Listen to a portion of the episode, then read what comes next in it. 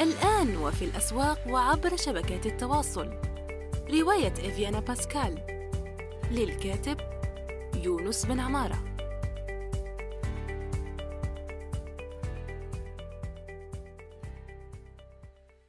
إن خير من استكتبت قلم قوي وفكر رصين. استكتب. منصة صناعة المحتوى النصي في العالم العربي. السلام عليكم ورحمة الله وبركاته في حلقة جديدة من يونس توك. سوف نجيب فيها هذه المرة عن سؤال وصلني عبر صراحة ونصه. مرحبا يونس آه، مرحبا بك. لدي سؤال كيف يمكن أن أصبح كاتبا؟ أريد أن أكتب لكنني أشعر أني على لست على مستوى كافي لاستحقاق الكتابة. كيف أستطيع أن أطور من كتابتي؟ وهل لكي تصير كاتبا؟ يجب أن تتوفر فيك صفات معينة أم هي أم الكتابة شيء اكتسابي. على كل حال سوف نبدأ آه، الإجابة عن السؤال من من آخره. لماذا؟ لأن آه، التسلسل المنطقي يقول هكذا يعني هل الكتابة هي شيء اكتسابي مهارة أم شيء فطري موهبة يأتي بها الإنسان مباشرة؟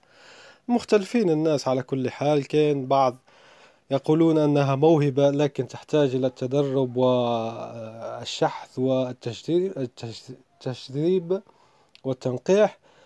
وبعض الناس يقولون لا هي مهارة يمكن اكتسابها ويمكن آه، حتى يعني ليست موهبة يمكن اكتسابها ويمكن تطويرها وإلى آخره. معظم من قرأت عنهم يعني ينتمون إلى القسم الثاني أي أن المهارة شيء اكتسابي. وهناك أيضا الكتاب في عصر النت هذا معظمهم يقول أنه كان يحصل على آه، نقطة سيئة في اللغة الإنجليزية لكنهم فيما بعد أصبحوا كتابا آه، كبار وكتاب لديهم آه، مستوى كبير من المكانة في قطاع الكتابة. إذا الكتابة شيء مهارة يعني يمكن تطويرها وهي شيء اكتسابي وهذا أيضا يجرنا إلى نقاش موضوع وهو هل ورش الكتابة يعني شيء مبرر أو لا. وهذا ما أجبت عنه في آه، في أحد الحوارات معي. سوف أضع رابطة في هذا في التدوين التابعة لهذه الحلقة. وهي هل ورش الكتابة يعني ورشات الكتابة والدورات التدويرية التدريبية حولها ضرورية ومهمة؟ وهل تراها مبررة أم لا؟ ونعم أجد أن الكتابة عبارة عن مهارة يمكن اكتسابها. إذا يمكن وجود خبراء يقدمون لك هذه الخبرة في شكل دورة. طبعا هناك بعض كما نسميهم هنا يعني المصريين يقولوا لهم سبوبة أو إحنا نقول لهم بزناسة يعني ناس بزنس مان يحاولون خداع الناس والدوار. هناك دوما في أي مجال وأي قطاع هناك مدربين مزيفين وهناك مدربين أصيلين. إذا أنت تحاول تبحث وإذا وجدت بالقرب منك يعني ورشة كتابة أو شيء من هذا القبيل يمكنك الاندراج والانتساب فيها وارتيادها والاستفادة منها. إذا نرجع إلى أول السؤال الذي يقول كيف يمكن أن أصبح كاتبا؟ وهو الكاتب بالتعريف يعني بالتعريف كيف يعني؟ هو أصلا اسمه كاتب يعني ماذا يفعل؟ كاتب يكتب. وهنا من المفترض أن يكتب الكاتب يوميا يعني كل يوم على الأقل تقدير تكتب آه، من 250 كلمة إلى 500 كلمة. وقد تقول هذا كثير كذا هو في الحقيقة أنت تكتبه العدد هذا خاصة في العصر هذا آه، يعني أنت تكتبها تكتبها لكن لا تكتبها بشكل إبداعي أو بشكل أدبي. يعني لو آه، نعمل برنامج tracking في هاتفك ونرى كم تكتب كلمة في اليوم سنجد أنها تفوق الخمسمائة كلمة. لكن لماذا لا تكتبها إبداعيا؟ هنا يجب أن ننتبه لهذه القضية. ما دامك أنت تكتب تكتب في ال chatting والتطبيقات المراسلة وفي الصفحات الفيسبوك وغيرها إذا نحاول أن نوجه هذا الجهد يعني نقلل الشاتين مع الناس الغير مفيدين والحديث الفارغة وكذا ونوجه الطاقة والقوة هذه إلى كتابة شيء يعني مفيد. ليس بالضرورة أن يكون يحني يحوي يعني معلومات مفيدة وكذا لا يكون تدريب يعني. حتى لو كانت خواطر أو كانت شعر أو كان يعني تدوين فيها تحكي فيها عن نفسك ومشاعرك شيء عادي يعني حتى لو لم تكن مفيدة بشكل عملي لكن مفيدة من ناحية التدريب.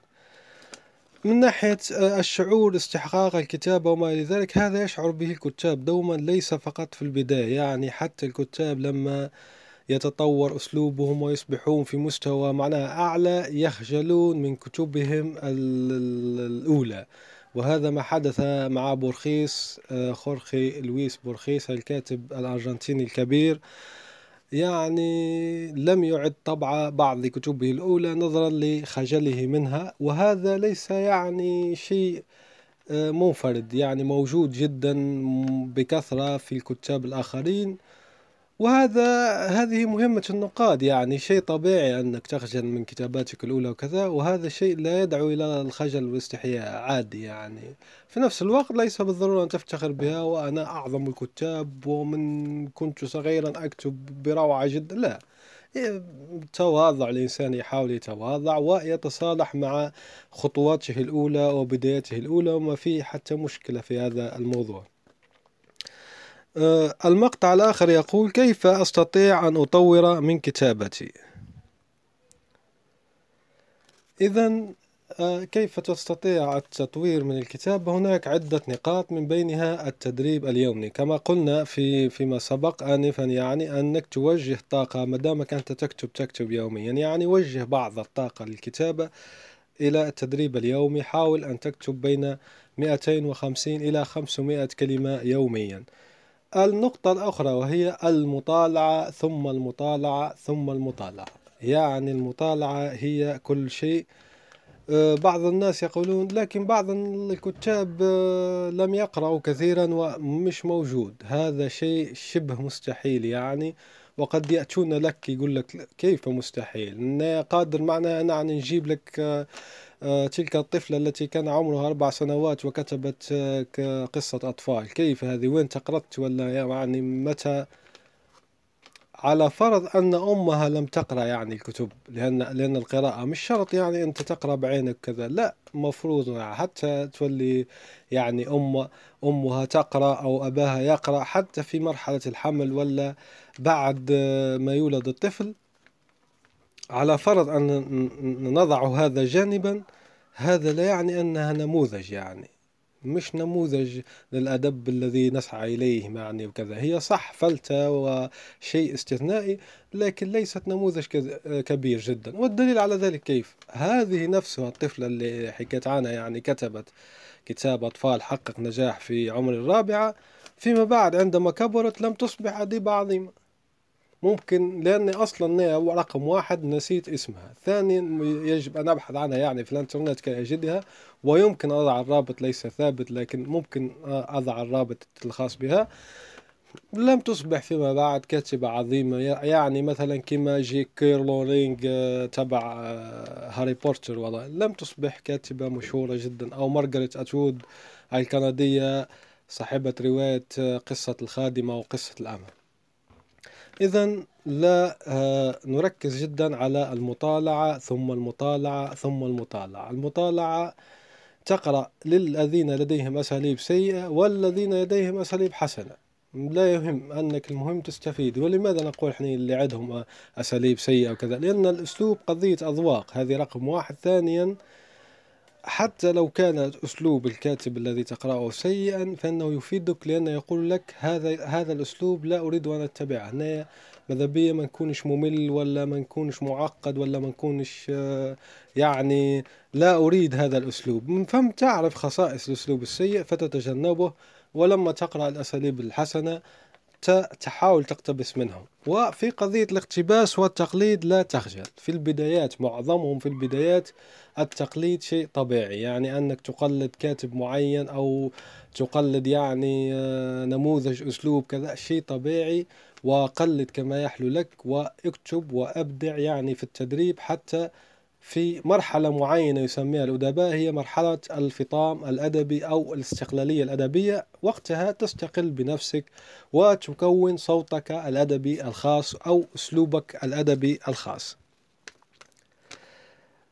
آه، يعني قلنا نقطتين هي التدريب اليومي والقراءة المطالعة ثم المطالعة ثم المطالعة ثم هناك النقطة الثالثة والأخيرة على ما أعتقد وهي آه، المصادر الأدبية. يعني عندما ذكرنا أولى هناك ورش أدبية ودورات إذا وجدت قرب منك حاول أن تنخرط فيها. ثانيا هناك عدة يعني مواقع مثل تكوين الذي تشرف عليها الأديبة آه، الكويتية بثينة العيسى وهو متخصص في الكتابة وتكوين وهذه آه، الموقع أو المكتبة تقدم نفسها. يعني في الكويت تقدم دورات بين الحين والآخر في الكتابة وما إلى ذلك.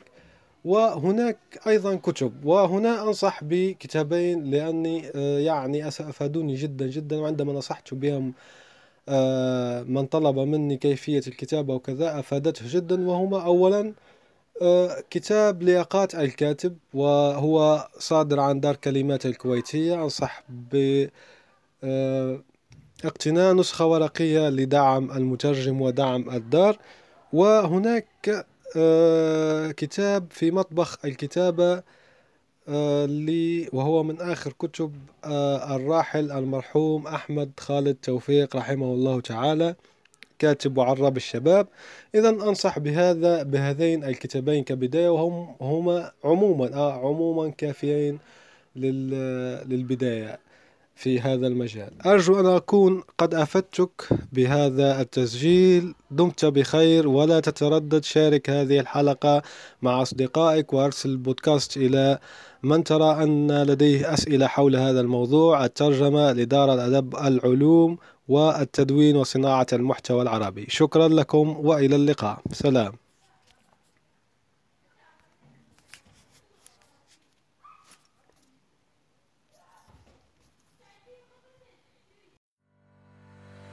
الآن وفي الأسواق وعبر شبكات التواصل. رواية إفيانا باسكال. للكاتب يونس بن عمارة.